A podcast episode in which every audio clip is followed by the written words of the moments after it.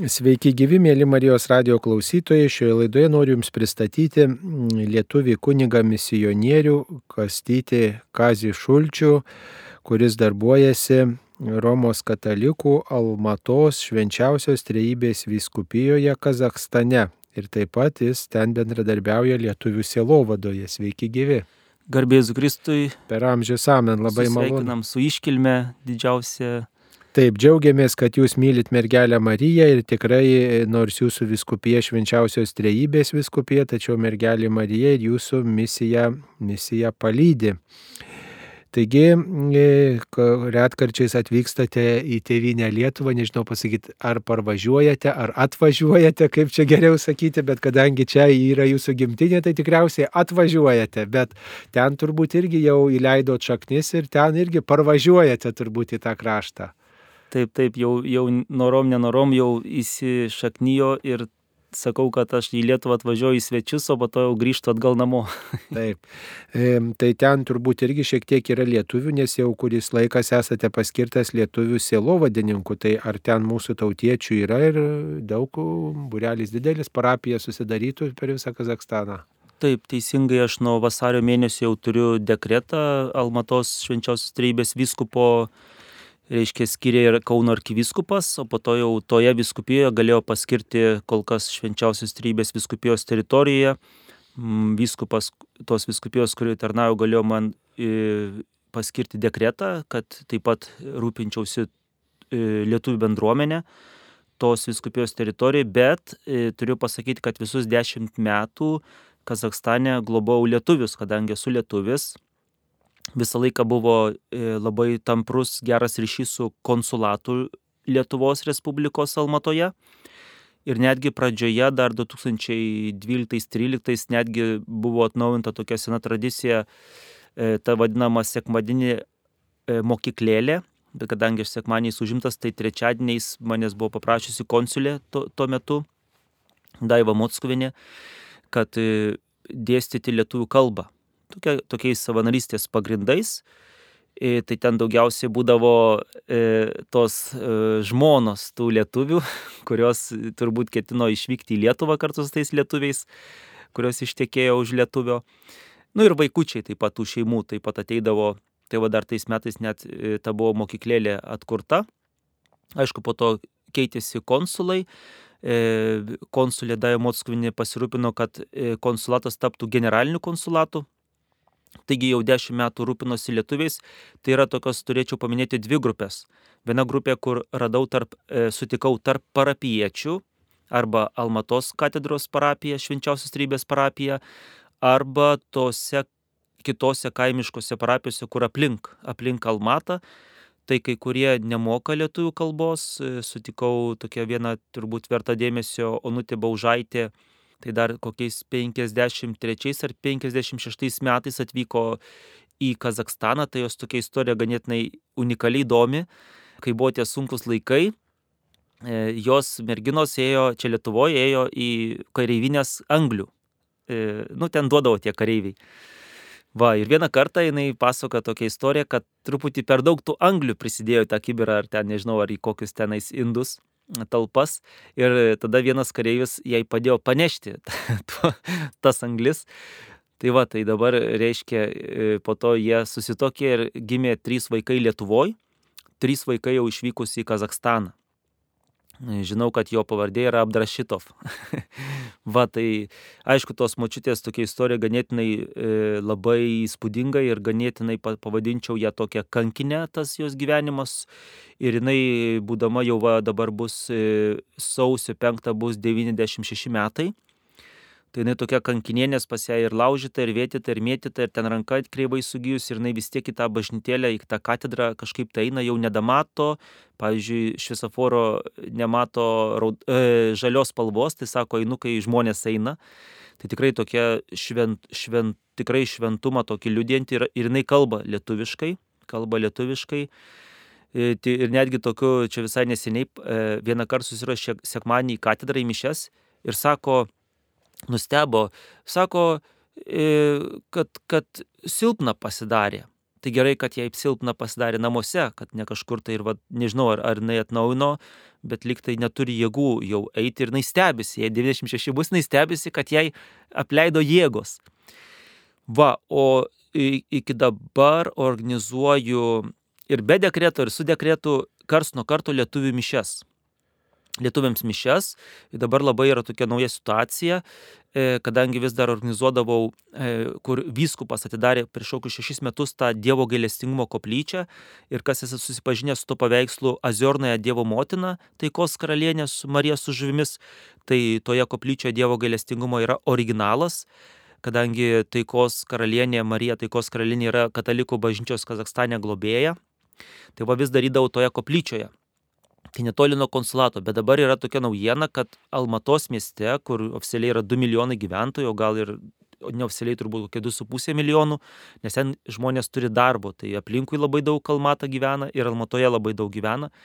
Tai tenais atsidarė nauja parapija, visai nesiniai Švento Juozapo parapija, gal tokia kaip padėka tiems Švento Juozapo metams, kai buvo paskelbti bažnyčios metai Švento Juozapo tai e, kol kas liktai tenais vyksta tik tai sekmaniais mišios.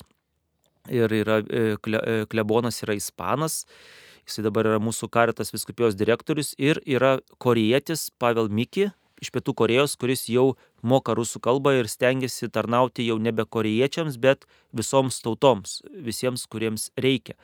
Tai va tenais mes dabar organizuojam, kadangi ten tokia irgi įdomi istorija, pavyzdžiui, turbūt klausytojams bus įdomu, iš ko pas mus kuriasi nauja parapija, nau bažnyčia. Tai ten buvo toksai tikintis stačiatikis verslininkas, Ir ten buvo tos patalpos ir šašlikinė, ir pokelių salė, ir restoranas, ir e, parduotuvė. E, jie su žmonais įskyrė ir dabar jau galiausiai liko kelios patalpėlės kaip parduotuvė ir jau, jau eina į tą pabaigą, kad jau visos tos patalpos priklausys tai Švento Jozapo parapijai. Aišku, visi pastatai priklauso kaip ir viskupijai. Ir tenais yra, aišku, daugiau galimybių. Daugiau galimybių ir e, melstis ir po to turėti tą agapę. Nes yra tų daugiau patalpų, nes toj koplytėlį, kur anksčiau melsdomės, tai aišku, nelabai ten buvo tų galimybių.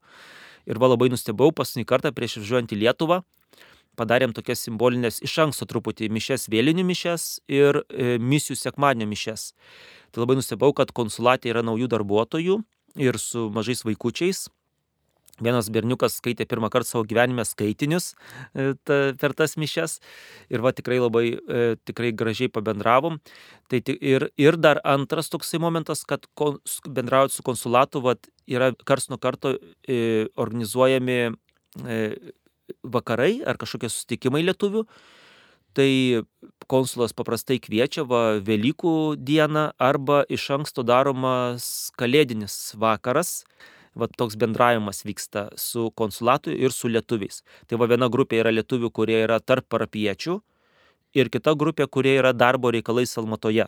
Tai aišku yra didesnė grupė, kurie jau lietuvių, lietuvių, lietuvė kalbiai, kurie lietuviškai kalba ir kurie aišku yra laikinai. Kai kurie, aišku, sukūrė šeimas, kai kurie yra jau e, turi įsigiję savo namus ir netgi teko laidoti vieną lietuvį iš kelmės ir viską atvyksiu Lietuvą, aplankau jo tėvukus, nes tėvukai negalėjo dalyvauti laidotuvėse, kadangi buvo pandemija.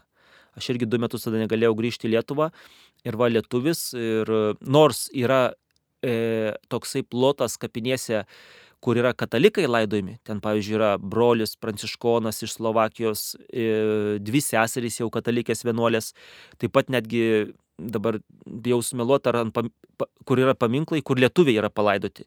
Tik nežinau, ar ta, ant paminklo yra rusų kalba, nu, truputį neatsimenu, tie lietuviški vardas pavardė, ar ten buvo lietuviškai. Nu, bet tiesiog, kad tai yra lietuvis, irgi paminklas, kad lietuvis toje katalik, tame sklype, kur atskirta katalikams.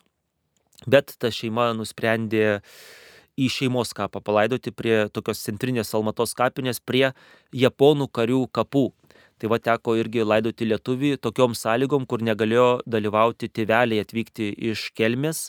Ir dar vis jie svajoja, manęs klausinėja, kai aplankau, ar ten jie girdėjo, kad krematoriumas Almatoje statomas. Vis manęs klausė, sakau, oi nežinau, čia reikėtų pasi, turbūt, pasidomėti, turbūt jie ketina nu jeigu ten tas šeima sutiks, e, ketina gal nori, norėtų turbūt parsivežti pelenus į Lietuvą pasilaidoti, nes nu, jiems turbūt skaudu ir toli ir taip toliau, tai va tenka irgi patarnauti su lietuviams.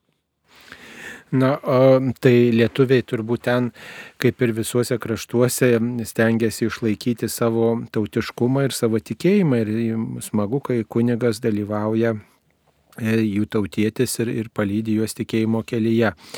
E, na, o e, kita misionieriaus veikla tai turbūt yra tarp tų žmonių, kurie yra vietiniai, kurie ten gyvena jau kartą iš kartos ir, ir, ir reikia kalbėti turbūt ir vietinę kalbą, gal ir rusiškai, bet e, tiem žmonėms, kurie ten yra jau laiko gimtinę Kazakstaną. Taip, tai, tai lietuvių, su lietuviais veikla, kaip minėjau ir anksčiau, tai buvo, aišku, antrailė, antroji vietoje, nes, aišku, ir pagal kiekį, kad nėra didelė grupė. O kiek maždaug, jeigu taip pat apibendrint lietuvius visą ir, ir vėliau atvykusius, ir, ir, ir seniau atvykusius? Taip, iki pandemijos pasakysiu, kad tie konsulatas, kai atsiųsdavo kažkokią informaciją, būdavo 80 elektroninio pašto adresų tai po pandemijos pastebėjau, kad yra toks sumažėjimas yra apie 50 elektroninio pašto adresų, kadangi, dėl ko aš tai sakau, kadangi ir aš, kai siunčiu informaciją, aš pasinaudoju to laišku ir atsakau visiems adresatams. Reiškia, konsulatas turi tuos, to, tą sąrašą ir jie gauna mano irgi informaciją, kai aš kviečiu juos į mišes ar kažkokią kitą informaciją. E, Tai yra apie 50 e, Almatoje tokių kaip adresų ir daugelis, aišku, dirba tokiuose srityse kaip architektūra, statybos ir taip toliau. Nu, kažkas tokio panašaus. Ir aišku, pas kitus yra individuali veikla. Va, tai apie 50 kažkur tai. Taip, o vietiniai žmonės, kaip ten su jais sekasi darbuotis? Taip, tai noriu pasakyti, kad yra, yra didelių nemažų pakitimų.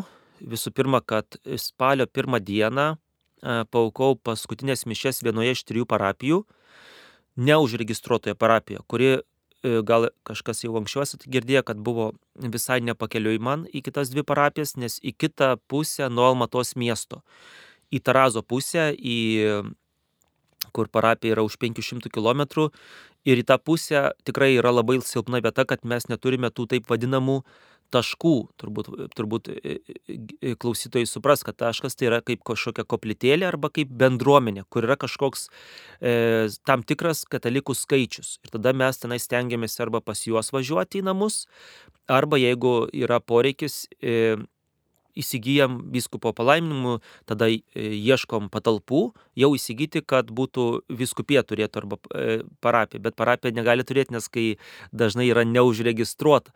Tai ten buvo vieno korejiečio Michael Kim, Michael Kim, e, įsigytas būtas ir viename iš kambarių buvo įrengta koplyčia tai jie kažkadaise 2002 metais dar rinko parašus, norėjo užregistruoti šventosios kudikėlio Jėzaus Teresės e, vardu tą parapiją.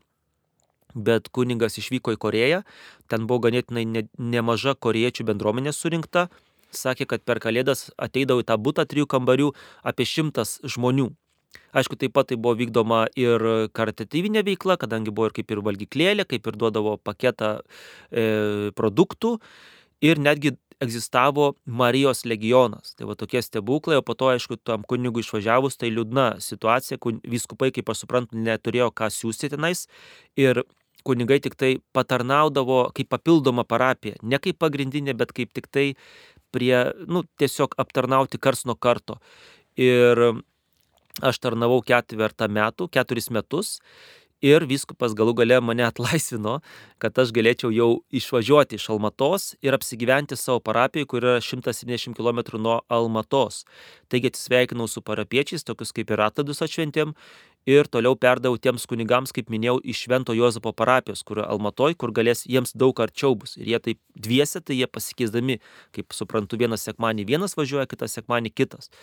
Va, tai, tai aš džiaugiuosi, kad į geras rankas pateko, kadangi tas korejietis m, e, Pavel Miki labai aktyvus, Ir pietų Korėjo, iš Pietų Korejos misionieriai taip pat viskupas e, jiems užleido tą būtą, kuriame aš eilę metų gyvenau, būtas kunigams prie katedros Almatoje. Taigi prieš išvykstant į šitą vizitą į Lietuvą, aš įsikraušiau pilnai iš Almatos, kadangi jau nėra tos parapijos į kitą pusę nuo Almatos, tai aš, jeigu pamenat, minėjau, kad tas tris parapijas aplankydavau per savaitgalį, šeštadienį, sekmanį ir pravažiuodavau maždaug 1000-1200 km. Tai dabar išvažiavau į parapiją į Sariozeką, Ir iki kitos parapijos, kaip jau girdėjo klausytojai, Žargento Marijos kankinių karalienės parapijos, kur 50 km nuo Kinijos sienos, tai bus 200 km. Tad dabar tarp mano parapijų yra 200 km ir Žargento parapija yra užregistruota dar 2004 metais, o Sariozeko parapija, e, tai kaip sako mūsų arkivyskupas dėmesio, man būnant čia Lietuvoje, buvo jinai užregistruota, kadangi buvo paduoti dokumentai Tai dabar e, pasakysiu datą, istorinę datą, lapkričio 28 dieną buvo užregistruota ir Sariozeko parapija. E, tokiu vardu, Marijos e, karalienės vardu, kadangi mes išvakarėse tos, to minėjimo 22 rūpiučio Marijos karalienės e, įsigijome tas patalpas e, prieš du metus va, rūpiučio mėnesį. Taigi toksai stebuklas, kad, matot, istorija bažnyčios kūrėsi čia ir dabar. Tai aš sakau apie misijas, kad pas mus viskas dar tai bus. Pirmas kunigas bus e, mūsų viskupijoje vietinis, e, va, parapija užregistruota, bus viskupas svajoja apie koplyčią e, kaimininiam sklypę, Tai labai noriu paprašyti maldos klausytojų, kadangi ten labai daug tokių trikdžių yra su tuo sklypu įsigyti kaiminį sklypą, kad ten būtų galima seną namuką nugriauti ir ant tos žemės pastatyti koplyčią. Tai čia yra ir viskupo svajonė, ir aišku, ir, ir tada, tuo metu ir mano svajonė, turbūt ir Dievo svajonė. Va, tai turiu, dabar esu dviejų parapijų klebonas, greičiausiai grįžus gausiu dekretą nes negalėjo viskupas parašyti toms bendruomenėms, kur aš tarnavau dekreto, nes jos dar nebuvo užregistruotos. Tai dabar greičiausiai tapsiu oficialiai pirmoju tos parapijos klebonu, kadangi jau dokumentuose valstybiniuose, kur registracijos dokumentai jau yra įrašyta vadovas, kad Šulčius Kastytis. Kadangi e, rusų tradicijoje tai pirmiausia rašosi pavardė, po to vardas ir dar tėvo vardas, bet kadangi mes europiečiai, tai mes ne, jau nebevartojam tėvo vardo. Va, tai yra tokia, toks didelis džiaugsmas, kad dėkoju klausytam už maldas, kad, kad pildosi svajonės, kad, kad tos misijos einam į priekį. Tai va, yra dvi, dvi parapijos, tarp kurių yra 200 km ir tokie yra du kelyje perivalai, tokie pervažos per kalnus. Tai pavyzdžiui, pasakysiu iš karto klausytojams, kad kai žiemą iškrenta sniegas, tai aš negaliu naudotis to keliu. Reiškia, ateina žinutė arba sužinau, kad iškrito sniegas ir kad negalima važiuoti to keliu, nes ten tikrai nespėja nuvalyti. Ir Tada man reikės važiuoti tokį ratą per Almatą. 300 km iki Almatos nuo Žarkento ir dar 200 km nuo Almatos iki Sariozeko. Tai tokį ratą reikės daryti 500 km lanką, kad patekčiau į Sariozeką. Jeigu man reikės, tarkim, skubiai. Jeigu nereikės skubiai, aš galėsiu pasilikti keliom dienom Žarkente, ne, kol nutirpsta sniegas. Bet jeigu reikės grįžti, tai... Va, tai dabar aš gyvenu jau Sariozeko parapijoje, kur ką tik tai užregistruota Sariozeko Marijos karalienės parapija. Tai va čia tokia didžiausia naujiena Taip, o kiek apskritai Kazakstane dirba e, e, kunigų, taip bendrai, kad turėtume supratimą, kokie ten masteliai yra, jau supratom, kad tarp vienos ir kitos vietovės yra dideli atstumai. E, jeigu reikia iš vienos parapijos į kitą nuvažiuoti keli šimtus kilometrų, tai daugiau kaip per visą Lietuvą, kitaip sakant, du kartus nuo vieno krašto iki kito ir tada grįžti. Tai va, tiek reikia nuvažiuoti. Tai, o kiek apskritai kunigų ten darbuojasi iš kitų kraštų atvykusių, aišku, jeigu nėra vietinių, maždaug taip. Tai va, tai tik tai pasakysiu, kad e, Kazakstane yra keturios viskupijos, arba trys viskupijos ir viena paštalinė administratūra, tai yra pirmiausia Astanos arkiviskupija, kur yra arkivyskupas metropolitas Tomas Peta, jo padėjęs at, vyskupas Atanazijus Schneider, po to yra tokia labai stipri e, viskupija arba labai toksai labai stiprus katalikiškas centras yra Karaganda, tai yra Karagandos viskupija, yra Adelio del Oro ispanas vyskupas, o atsiprašau, italas. Ir jau ta viskupija turi vyskupą padėjėją vietinį. Evgenijį Zinkovskį ir greičiausiai jisai taip pat yra vienas iš auklėtinių mūsų kunigo tėvo Albino Dumbliausko jezuito, kur labai buvo daug pašaukimų, 18 kunigų ir 22 iš tos parapijos Švento Juozapo kuris įkūrė ir pastatė tą bažnytėlę tokią lietuvišką. Ir trys, trys iš tų 18 kunigų yra trys viskupai. Tai o dar prisimena žmonės tą kunigą, ypač vyresnėji. Tai taip, taip, žinoma. Tik tiek, kad aš netarnauju Karagandos viskupijoje. Bet esat buvęs. Taip, ten tarp kitko tarnauja lietuvis kunigas e, iš šalčininkų krašto. E, Jurek ar Jūri ar Jurgis lietuviškai, Liubenėts. E, aišku, jis yra lenkiškos kilmės, tik tiek, kad toks skirtumas tar, tarp manęs ir jo, kad jisai baigė seminariją Karagandoje ir jau su ta mintimi, kad jisai bus Karagandos viskupijos kunigas. Tuo tarpu aš esu Kauno arkiviskupijos kunigas, išleistas darbo Elmatos viskupijoje. Taip. Tai jis kaip ir vietinis, nors yra iš Lietuvos. Va, tai Karagandos viskupija labai stipri, su ta didžia katedra, kur didžiausias religinis pasas Vidurio Azijoje kur ne musulmonų pastatas, nu didžiausia, reiškia, kur dešimt metų statė, kur Atanazijus Schneider viskupas rūpinosi tom statybom. Po to eina mūsų viskupija, Almato švenčiausios treibės viskupija ir paštalinė administratūra Terau. Tai mūsų viskupija Almatos dabar yra didžiausias skaičius, yra 21 kunigas, rekordinis skaičius dar tokio nebuvo. Ir per, per visą maždaug Kazakstaną yra apie šimtas kunigų, Ir gal jau minėjau, klausytojai, gal jau esate girdėję, bet pasikartosiu tokiu stebuklu, kad prieš 10 metų, kad važiavau į Kazakstaną, buvo 16 milijonų gyventojų, tai per 10 metų prieaugis yra daugiau negu 3 milijonai. Tai daugiau negu visa Lietuva prieaugo e, gyventojų, tai dabar daugiau negu 19 milijonų gyventojų, apie 140 tūkstančių katalikų. Va, ir apie 100 kunigų. Taip pat yra vienuoliškos E, bendruomenės, vienuoli, vienuolijos taip pat yra. Tai va tokia situacija ir paminėsiu, kad dėl ko tiek prieaugo tų gyventojų, dėl to, kad yra musulmoniška kultūra. Ir va čia truputį iš karto man e, pasidaro neauku, kai apie tai kalbu, dėl e, tokios kaip, lyg, aš vis tiek lyginu, kad katalikų toksai pasaulyje pozicija ir musulmonų, kad musulmonai dažnai jie E, save išreiškia.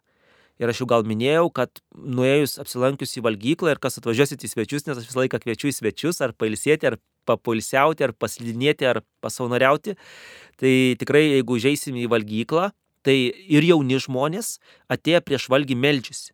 Nu bent jau tas kaip pas mus kryžiaus ženklas, tai jie tas, tok, tą veido, tas rankas taip, e, taip nuleidžia, per, neprilėsdami veido, bet tas toksai kaip ir pas mus kryžiaus ženklas, pas juos kitas ženklas. Ir baigdami taip pat tą, tą tokią maldelę padėkoja Dievui. Tai, tai yra labai stiprus kultūrinis elementas ir išorėje. O Reiškia, musulmonai meldžiasi prieš maistą. Taip, plus tas yra vadinamas namas, penkis kartus kalba maldą, daug praktikuoja ir, pavyzdžiui, koks nors apsauginis, pavyzdžiui, valgykloj. Nu, jisai taip, jisai nededa to kilimėlio, nesiklaupia, nesilanksto, bet, pavyzdžiui, turi mažiuką kilimėlį jis turi savo tą pertraukėlę, nueina į, į kažkur į kraštą, į staliuko ir tikrai nesigėdija ir matosi, kad nuėjo savo tą maldą atkalbėti, e, pasimelsti. Arba kelyje galim pamatyti tokį vaizdą ir gana dažnai, ar tai krovininio e, automobilio vairuotojas, ar tai lengvo automobilio vairuotojas, tiesiog kelyje Tiesiog kelias sustojo. Šaly keliai. Taip, pasidėjo tą kilimėlį, ten ar žolės, ar kur pakeliai, šaly keliai, e, ten žino, kur tie rytai, atėjo jam laikas ir jisai melčiasi. Tai va, kaip minėjau, esu minėjęs kažkada tai e, ir klausytams, kad aš esu pasinaudojęs tuo maldos kambarėliu degalinėje. Taip pat būna valgyklose tas maldos kambarėlis. Kad e, matydamas, kad nesuspėsiu grįžti, aš tenais nuėjau pasiaukoti mišes, kadangi aš viską vežiojusi automobilyje. E, kartais tiesiog sėdint automobilį aukojusi mišes, nes matau, kad aš nespėsiu nuo taško iki taško nuvažiuoti ir jau bus po 12, aš nespėsiu davažiuoti iki miesto, privažiuoti tą miestą, kad aš suspėčiau dar tos dienos mišes paukoti. Kartais man taip gaunasi, kad aš turiu kažkur pakeliai taip pat, kaip ir tie musulmonai, nu, kad neprarasčiau tos dienos, kad nors Lietuvoje kitoks laikas, bet ten aš pagal Kazakstano laiką meldžiuosi. Tai va tikrai noriu e, paminėti e, tą kultūrinį elementą, religinį elementą islamo kultūrą ir man labai baisu, kad mes lietuviai, nu, lietuviai dažnai tampa išvykę, tarkim, iš savo šalies, dar gal savo šaly kažkaip identifikuoja save su katalikybė, su krikščionybė, o išvykę į kitas šalis ar keliaudami labai tampa atsiprašau, tikrai nenoriu nieko įžeisti, pilkomis pelėmis, nes tikrai nieko neįsiskiria iš kitų, tokie kaip pasaulio piliečiai ir man labai baisu, kad kaip ir kitose šalyse, kad nesitiktų taip, kad labai atsiprašau, kad Lietuva kažkada taps musulmoniška, kaip kažkada pasakė popiežius Benediktas XVI, kad Europa tampa musulmoniška, bet matot, aš tą matau realiai, kaip plinta net toje šalyje kaip, kaip e, didėja skaičius gyventojų dėka tos kultūros, dėl tų tradicijų. Ir, pavyzdžiui, jeigu pas mus kaimuose mokyklos užsidarinėja, tai Kazastane tikrai tokia labai gera nuotaika, kad tokia gyvybės kultūra iš islamo sklinda, kad mokyklos statosi kaip grybai po lietaus, kad, reikal, kad trūksta darželių, trūksta mokyklų e, ir e, daug kas atidaro privačias, privačius vaikų darželius iš savo gyvenamo namo kadangi Kazastane tokie truputį dideli namai statomi ir ten tikrai užtenka, nežinau, kokiam skaičiui, jie kažkokias, aišku, gauna iš valstybės šiek tiek paramos, palaikymą tą vaikų darželį išlaikyti, bet taip pat yra kaip komercija. Tėvai moka pinigus, kad vaikai eitų vaikų darželį. Dėl to sakau, tokia yra labai ryški gyvybės kultūra, kuris klinda iš islamo iš musulmonų. Tai va, norėjau pasakyti, kad tiek priaugo, tai va dabar 19 milijonų. O kiekvienoje šeimoje, pavyzdžiui, vidutiniškai kiek tų vaikų ten yra šeimoje? Ten 3, 4, 5 ir daugiau kartais. Nes matai tiesiog gatvė einant porą ir vežimėlis, ir ant rankų, ir e, tėčio prie rankų įsikibę, ir mamos, ir mama vėl laukia, besilaukianti. Tai tikrai sakau visiems, sakau atvažiuokit, aš jums parodysiu, kaip, kokie turėtų būti krikščionys. O vietiniai krikščionys, matydami, kad taip musulmoniškos šeimos tokios gausios gal ir jie, vat, nu, taip, tokias gausias šeimas turi krikščionys vietiniai. Nu, vat, matot, čia jau iš karto mes linkstam tada į europinę kultūrą ir tada jau, jau liūdniau, jau liūdniau. Ir ką aš dar noriu pasakyti, labai pabrėžti ypatingai europiečiai klausytojui, kad turbūt daugeliu kyla klausimas, tai gal ten labai geras gyvenimas? Tai aš pasakysiu, at, atsakysiu, koks yra vidutinis e, atlyginimas mėnesio. Tai mūsų pinigais tengiamis yra 100 tūkstančių tengių. Taip, kai kurie specialistai gal uždirba ir daugiau, ir 200 ir 300 tūkstančių tengių. Bet 100 tūkstančių tengių yra toksai vidutinis atlyginimas. Dar kai kas ir gauna mažiau. Pensija turbūt kokia 60 tūkstančių tengių. Tai va, 100 tūkstančių tengių tai yra apie 200 eurų, apie 200 svarų. Tai va, aš kai dabar pamokslau lankiausi Anglijoje, Tai vienas buvęs seminaristas, dabar jisai yra, e, nu, nebaigė seminarijos, jisai dabar yra dekanas universitete Londone. Tai sakė, aš per pusę dienos uždirbu 200 eurų. Tai va, įsivaizduokit, o, atsiprašau, svarų. Tai dabar įsivaizduokit, e, Kazakstane turi žmogus dirbti 30, nu, visą mėnesį eiti į darbą kasdien ir gauti 200 svarų. Arba ten kita mano pažįstama sako, tai pas mus sako, į valandą 60 svarų. Tai įsivaizduokit, koks skirtumas. Tai reiškia, netame pragyvenimo lygyje kažkur tai yra tas šuo pakastas ir tas raktas tos gyvybės kultūros, kad kaip pas mus sako Europoje taupo, ne, kad, nu, taupo, nes negali turėti daug vaikų, nes labai brangu.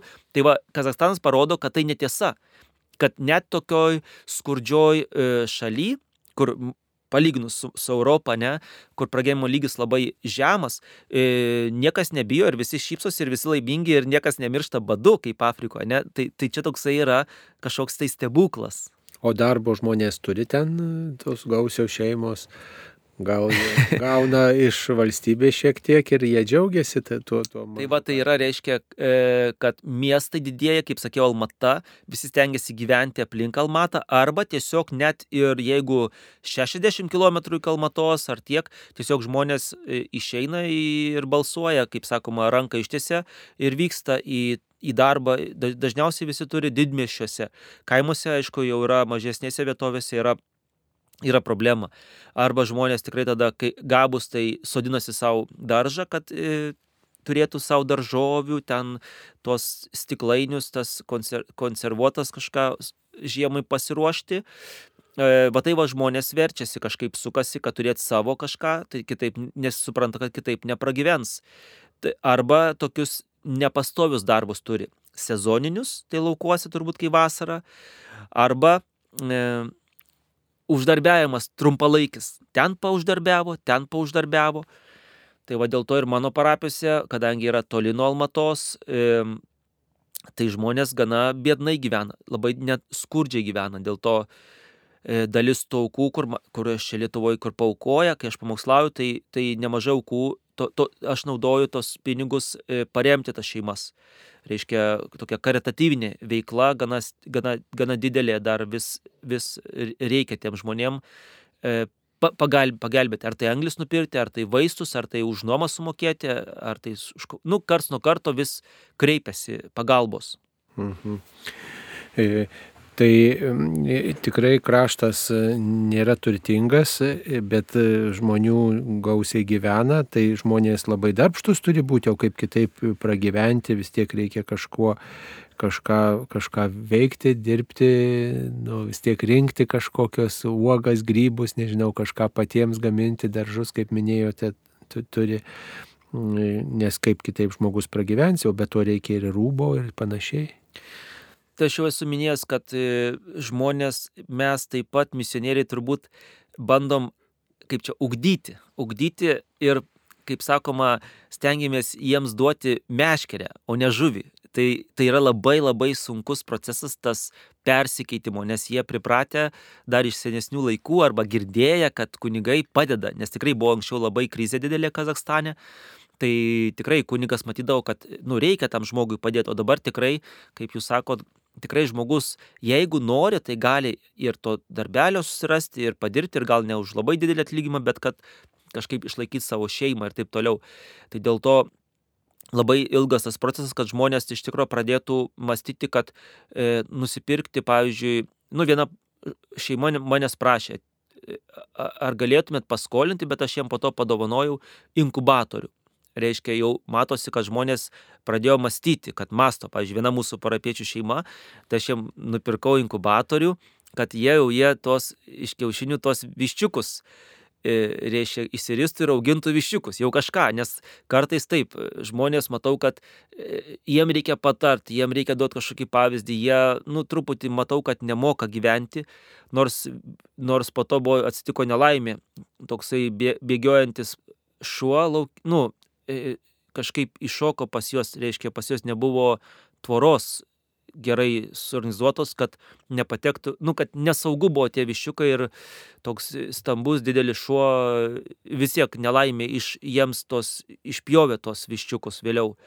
Tai matot, vienur padedė, o kitur žmonės, nu, nesumastė, kad pirmoje eilėje reikia tvorą sutvarkyti, kad neteitų kažkokie tai plėšrus gyvūnai. Nu, tai va, tai aš esu minėjęs, kad aš, pavyzdžiui, svajoju irgi turėti ūkį, Nes matau tą tradicijas, kad tas arklys, pavyzdžiui, kultūros dalyje, ne, vaikai jau sako, gimsta berniukas, tai jau jisai moka jodinėti ant arklio. Toj kultūroje arklys, tai aš norėčiau turėti ir, ir arklį, ir kelis, ir avis turėti, bet žinot, yra didelė problema Kazakstane. Dėl to čia labai svarbu atkreipdėmėsi savanoriams, e, e, klausia, ką ten būtų galima nudaryti. Tai sakau, labai sudėtinga, kad aš neturiu patikimų žmonių kad mūsų žmonės vis dar turi labai daug procentų palikti, kad jeigu tu jam patikėjai kažkokią veiklą, e, nes aš jau turiu patirtį, pas mane ir Žarkentė vyksta kapitalinis remontas, ir Sariozėkė vyksta, jau pastatė e, katilinę, vyksta dabar vonios kambario, kur buvo anksčiau katilinė, nes ten stovėjo katilas anglių tas pečius ir ten buvo, bet dabar išnešėm jau į katilinę, į atskirą pastatėlį. Tai va tenais dabar daroma, kad būtų jau dušas, tuo labiau, kad aš persikėliau į Sariozėką, tai ten dar liko padaryti kapitalinį remontą vonios kambarį. Va, tai iš tikrųjų labai paveda, tai čia labai toksai liūdnas. Aš net čia būdamas atvažiavau dėl jų, kad išlaikytas parapijas, tos parapiečius, O jie net čia man esant liūdina, nes matau, kaip paveda, kaip ne, nepadaro iki galo, ką sutarėm. Kažkur nueina kitur dirbti, be jokio, be jokio pasakymo, kad, pavyzdžiui, atsiprašau, aš ne, nebegaliu dirbti. Tai taip gaunasi, kad jis, aš žinau, kad jis nebedirba, jau kiti man atėjo į pagalbą, bet e, jis jam netrodė, kad reikėtų su manim susitarti, kad aš jau nebedirbu pas jūs. Tai gal jie nėra katalikai, gal pavyzdžiui. Ne, ne, kaip tik aš... aš, aš bendruomenė. Tai va matot, aš nusiviliu, kad e, nenusiviliu, čia neteisingai pasakiau, liūdina tik tai e, truputį, nes aš kaip tik mano mintis buvo, aš galėjau pasamdyti žmonės iš šono, pavyzdžiui, labai, labai populiaru uzbekai, jie atvažiuoja užsidirbti į Kazakstaną. Tai reiškia, Uzbekistane dar prastesnė situacija, jeigu jiems užtenka tų pinigėlių Uzbekistane ir jie geriau dirba, nu, taip, gavosi, taip gaunasi, kad kazahai nelabai darbštus, jie nori už mažą darbą nors nėra, pros, nėra gabus, gauti didelius pinigus. O uzbekai yra gabesni ir jiem užtenka tų mažesnių pinigų ir jie dirba e, ganėtinai nu, greičiau, bet vis tiek reikalinga kontrolė, reikalinga priežiūra. Ir pavyzdžiui, kai aš sakau, kad aš pasamdžiau savo parapiečius, savo, norėjau, kad uždirbtų mano katalikai, mano parapiečiai, nu, tokia mano mintis. Bet matot, Kazakstane dar reikia tam darbininkui, kurį aš pasamdžiau, pasamdyti prižiūrėtoją. Nu, nu viskas, nu, nu tiesiog išvada nėra kito kelio. Arba samdyti svetimus. Nes e, reikia, kad kontroliuotų ir tas medžiagas, ar teisingai ten nupirko, ar ten jos nenueina į šoną, ar jisai ateina laiku ir išeina laiku, ar jisai tikrai tas valandas atidirba. Ką, ką... Tai tada jeigu netidirba ar kažką truputėlį, kaip sakoma, kombinuoja, tai tada piktis reikia su žmonėm, tai kaip kunigui tą. Ne, ten negalima piktis, ten, ten, ten kaip aš sakau, taip, tokia bendra mano dešimties metų patirtis, tai tokia išvada sakau, ten nereikia, nu gal kai kurie kunigai, ar gal ir aš, kai pradžioj, sakau, ten nereikia važiuoti kariauti. Nu, turiu omeny taip simboliškai, kad Bartis, su jais, jo, kad ten reikia atvažiuoti juos mylėti. Va, tai, tai aš toksai irgi esu truputį išgydytas tų, tų misijų, kad pavyzdžiui, man Dievas atleido išgydė tą dar sindromą, kaip mes čia kunigai ir Lietuvoje, ir gal aš pradžio atvažiavęs, labai pergindavom, koks skaičius ateina į mišes. Ir po to kartais kunigas ir truputį pyksta, ir truputį nusivilia. Kad mažai ateina. Taip, kad tu tiek įdedi ir nėra atsako, nėra to, tų vaisių. O mane kažkaip Dievas misijose atleido, kad aš žinau, kad yra tie, tie žmonės ir kodėl aš negaliu pas juos eiti.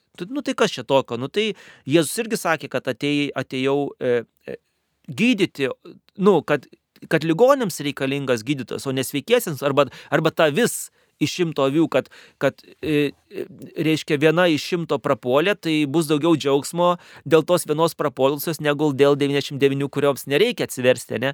Tai va, aš irgi tada einu ieškoti tos avies paklydusios, tai dėl to toksai, sakau, nauja mano patirtis, kad aš irgi dar pradžioj pergindavau, gal ten per pamokslą kažką kalbėdavau, O po to visiškai at, atlaisvino mane Dievas nuo to sindromo ir, nu, kiek atėjo, tiek atėjo ir ačiū Dievui atėjo, tiek atėjo.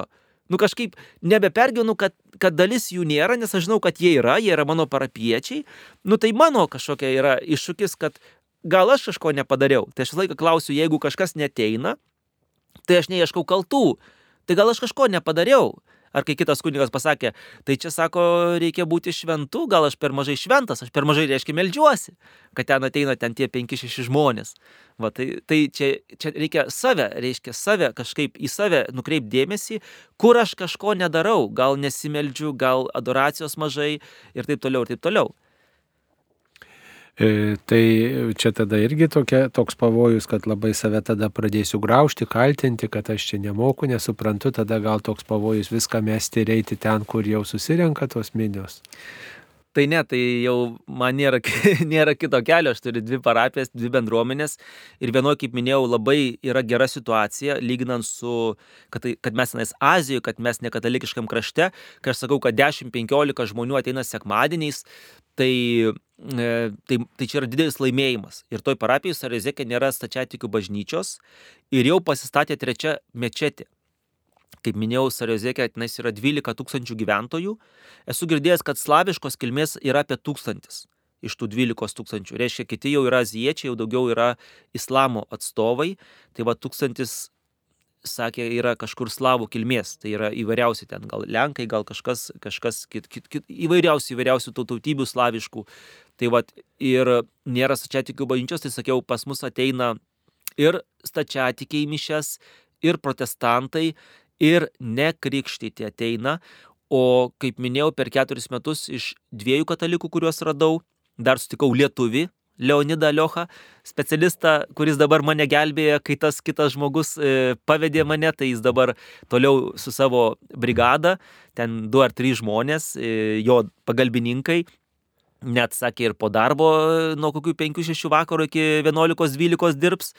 Ir e, kad e, bent jau paruošti, kad aš grįšiu ir kad plyteles, nuvažiuosim į Almatą, įsirinksim plyteles ir, ir išklijuos plyteles, sakau, aš tai norėčiau, kad jau būtų, sakau, tos plytelės, nes, nes aš atvažiuosiu, man nebus laiko čia, aš tik tai važinėsiu ir, ir dar nebus e, kur nusiprausti, tai, tai nebus kalbėjau mašinos dar turbūt pajungta, nes pirmą reikia plyteles sudėti, ne, ir ant grindų, ir ant sienų, gal jau lubos bus padarytos, Tai nežinau, gal pavyks ir sustart, kad jau jie ir tas plėteles nupirktų, gal per video ryšį, per vaizdo ryšį, pasakysiu, ar tiesiog, kokią nors šviesės. Tai, va, tai gelbė tas lietuvis Leonidas, kuris e, Šiauliuose, kur mamytę lankiau ir spėjau dar ją pasveikinti su 90-mečiu.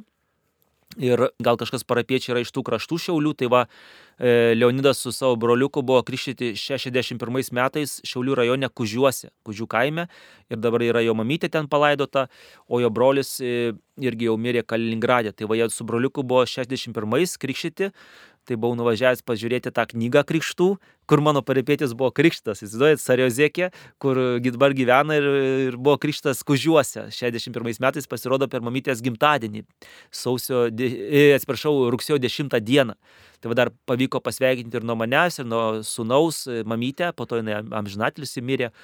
Tai va, ir sesuo visai neseniai buvo atvažiavusi iš Lietuvos, iš Šiaulių į Sariozeką, pas tą Leonidą, pas mano parapietį.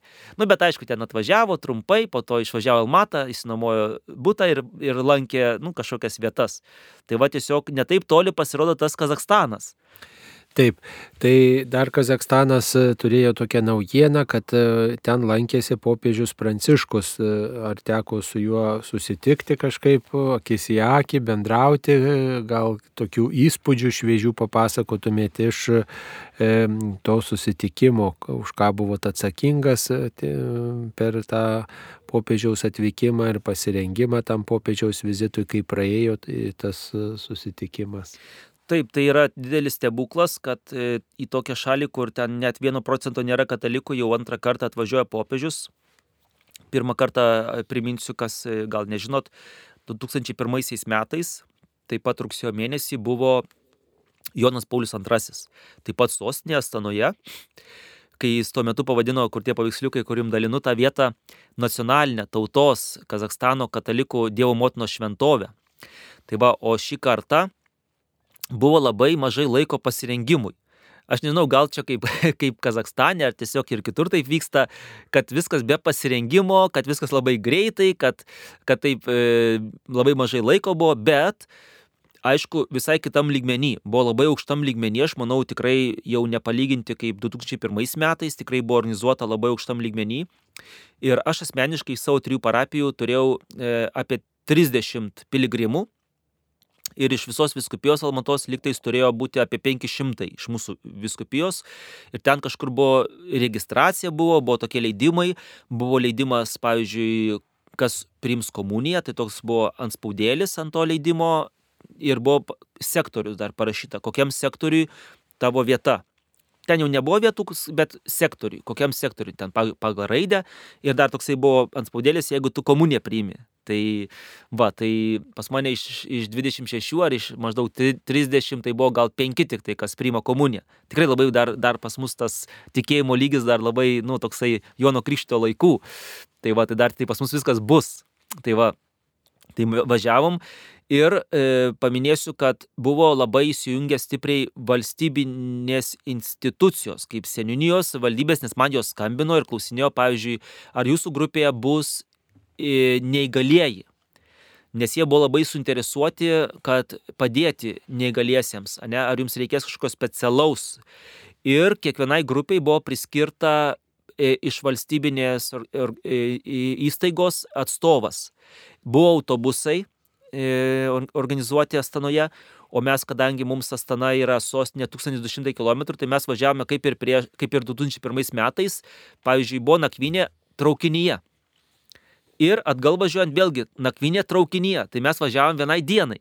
Bet gaunasi kaip ir trys dienos, kadangi reikia išvažiuoti iš vakaro, nak, e, nakvinė traukinyje, e, atvažiavom paryčiais, po to vakare išvažiavom, tai vakare jau lydėjo mus policija, kadangi spėti į traukinį, nu, ten tuos autobusus, e, kurie mes į Almatą ar dar kažkas, tai, tai e, policija lydėjo, kad jau tuos autobusus praleistų. Nu, viskas labai buvo aukštam lygmenį organizuota.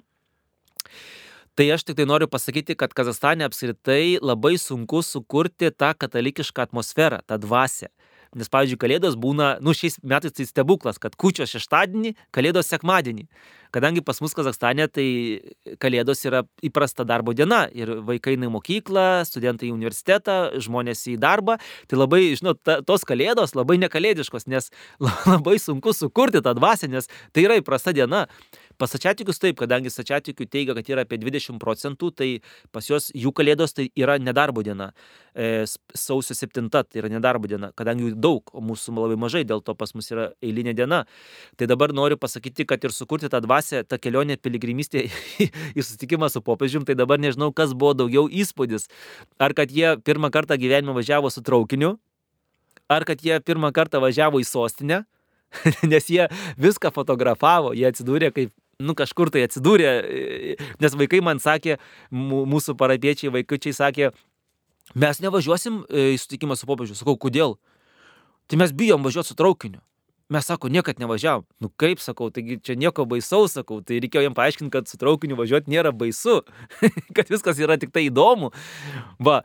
Ir aišku, buvo labai tam organizavime, labai pasirodė, kad pas mus labai žema civilizacija ir labai e, žemas arba jo apstai neegzistuoja bendruomeninis jausmas, kad, pavyzdžiui, kai kurie mūsų mano grupės nariai tiesiog iš Almatos išvažiuojant, nuėjo ir atsėdo į traukinį. O mes su Sarezikų grupe stovim laukia, nu, aš ten truputį toje lentoje e, stoties apsigavau, ten buvo žodis ne. Ir aš galvojau, kad tas žodis reiškia, kad dar netvykęs traukinys. O ten pasirodo buvo parašyta, kad be vėlavimų. Nu, ar bus vėlavimas, tai parašyta ne. Ir aš apsigavau, bet kai aš jau pamačiau, kad jau liko 18 minučių, o mes stovėjom prieš atraukinį jau gal valandą laiko, aš pamačiau, kad liko 18 minučių, galvoju, kažkas čia ne taip. Ir nuėjau pažiūrėti vėl į tą lentą. Ir žiūriu, kad parašyta pirmas kelias. Sakau, čia mūsų. Ai, nuėjau paklausti to, kaip vadinasi, kuris e, traukinytas lietuviškai, nežinau. Palidovas. Buvo. Sakau, ar čia važiuoja į sostinę?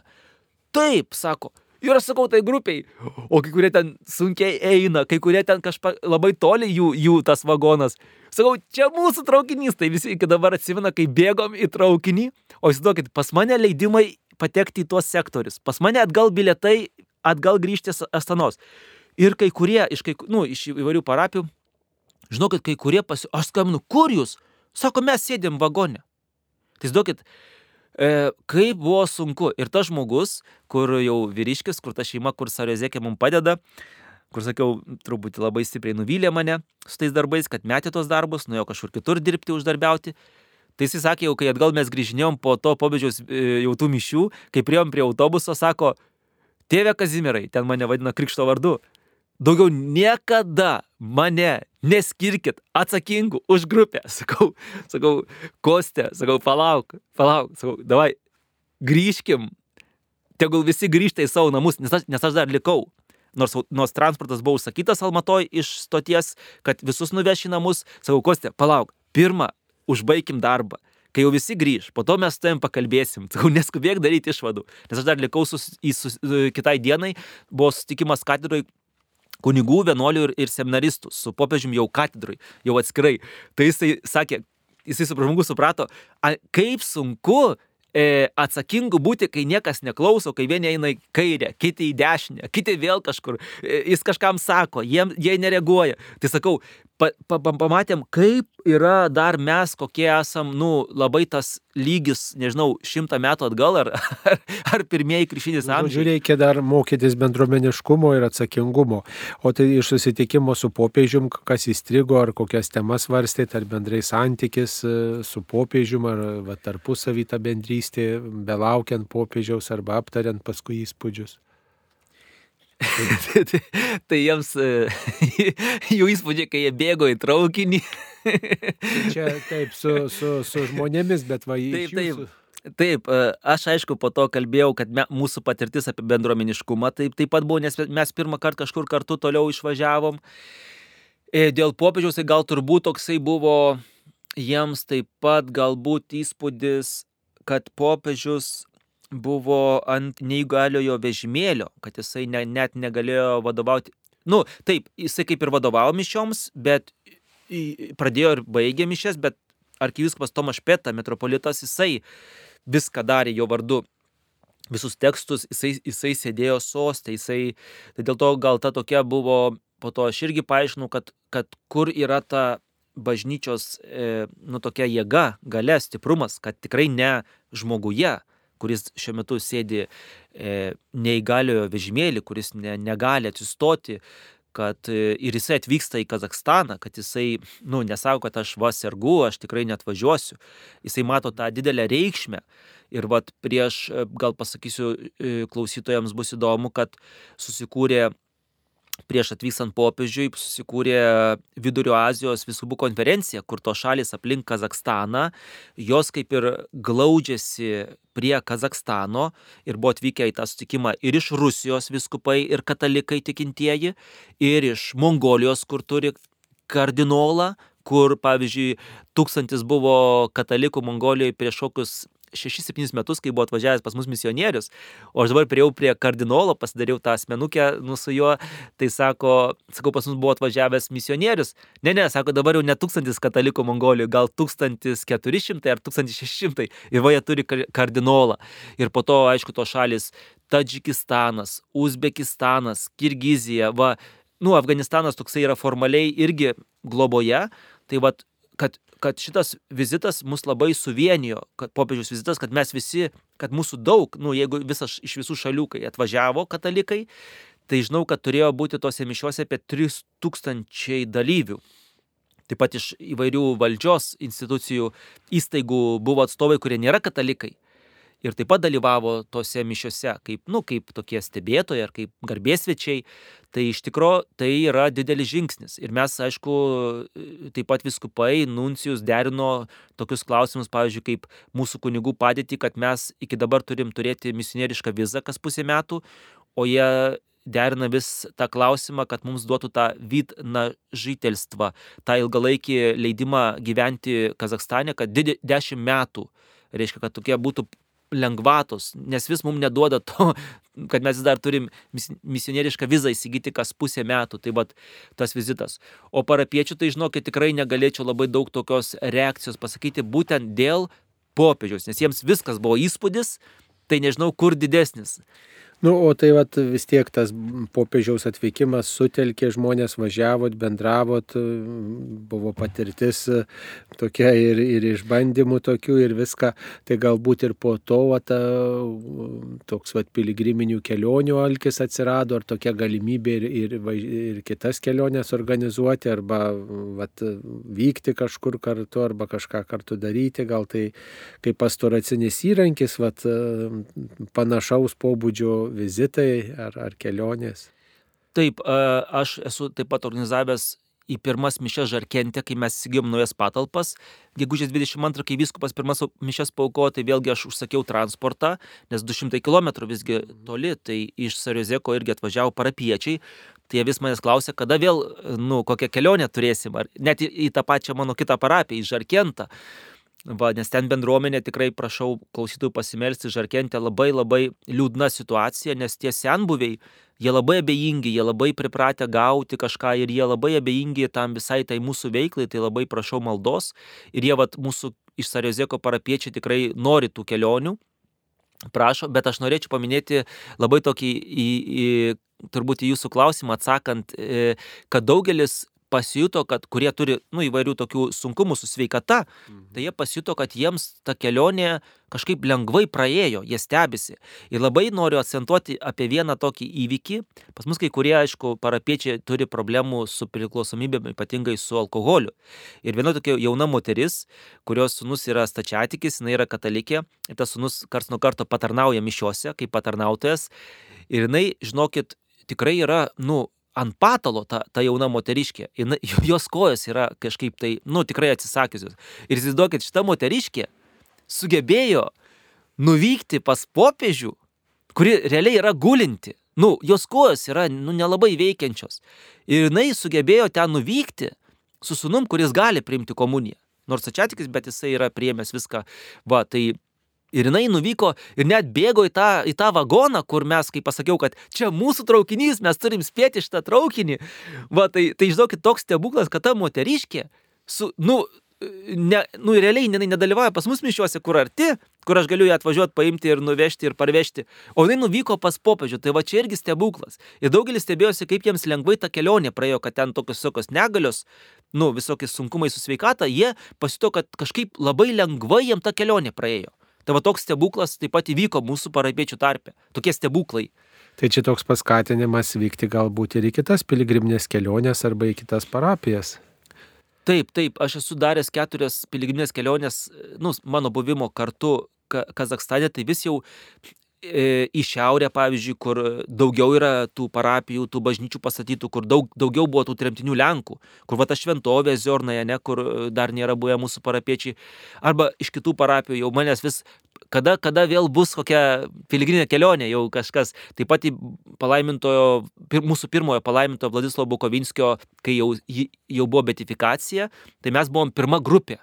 Mano organizuota grupė piligrimų iš Almatos viskupijos, tai buvom pirmi kurie, kurie po betifikacijos aplankėm e, relikvijas e, to Bukovinskio. Sako, jūs esat pirma grupė. Tai va tokia ir po to į, pie, į, į, į šiaurę ir po to dvi piligrimės kelionės buvo to apašlo Kazastano palaimintojo Vladislavo Bukovinskio pėdomis į Ukrainą organizavau 18 ir 19 metais piligriminės kelionės. Po to norėjau organizuoti į Lenkiją Jono Paulius II pėdomis, kadangi Bukovinskis buvo pažįstami su Karoliu Vaitylu. Kai jisai atvažiavo į Kazakstaną, sako, aš žinau apie Kazakstaną. Man sako, Bukovinskis pasakodavo, o Karolis Vaityla klausdavo, kai, pavyzdžiui, e, Lenkijoje gydydavosi e, Bukovinskis, tai ten e, Krokuvoje ar kur ten, tai Karolis Vaityla vis klausinėdavo apie Kazakstaną, to, to Bukovinskio, kuris kažkada yra pasakęs, kai, kai jie, nu, valdžia turbūt norėjo, kad jis išvažiuotų į Lenkiją, tai jisai sakė, ne, aš sakė, net ir, net ir kunigo kapas liudys apie Kristų. Tai tokie buvo pranašingi žodžiai, kad jisai tapo palaimintuoju ir jo kapas tikrai dabar daug, e, nu, tiesiog ne kapas, altorijoje yra sarkofagas su jo relikvijom, tai e, traukia piligrimus e, toj katedroj. E, e, kriptoje yra visa kripta pašvesta Bukovinskiui, yra triptikas, tos pačios menininkės Marina Munkur ir šita Marija su žuvimis. Tai jo toksai nupaištas gyvenimas, kadangi jisai ir lageriuose aukodavo mišes, ir lageriuose neapleisdavo savo kunigiškų pareigų, su kaliniais e, juos globodavo. Tai va, Tai, tai taip, taip, e, klausinėja, jie svajoja apie tas piligriminės kelionės, tai va dėl to irgi kai atvyktų, atvykstu į Lietuvą, tai va, e, pamokslauju šį kartą septynios, septyni sekmadienį, pats ilgiausias mano e, buvimo laikotarpis Lietuvoje, nu, kadangi esu priverstas, kadangi neturiu tokių kaip prieimėjų, tai kur mane klebonas priima, tai ten pamokslauju, po to jau organizuoja klebonas jau pagal savo nuožiūrą, kaip ten bus ta rinkliava, ar ten bus antra rinkliava, ar bus prie staliuko savanoriai. Tai va labai noriu atkreipdėmėsi, kad vis dar renkama savanorių talkininkų grupė Lietuvoje kad, kad palaikyti ne tik tai man esant Lietuvoje, kad e, galima būtų važiuoti kartu į parapijas, kad po mišių labai ypatingai tos paveiksliukus padėtų dalinti. Nu tiesiog. Ir net man nebūnant Lietuvoje, kad galėtų atstovauti kars nuo karto kažkur tai ta, tas misijas Kazakstane, nes tikrai nelengva būti vienam. Vienas laukia ne karys.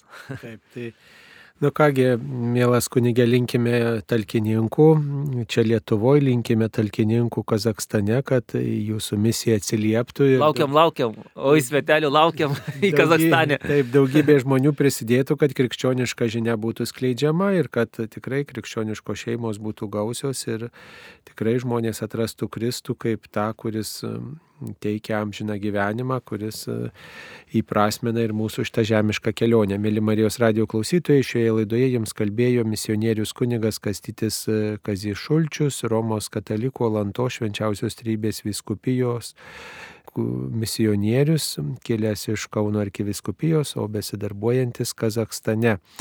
Te viešpats laimina jūs kunigiai ir jūsų misiją.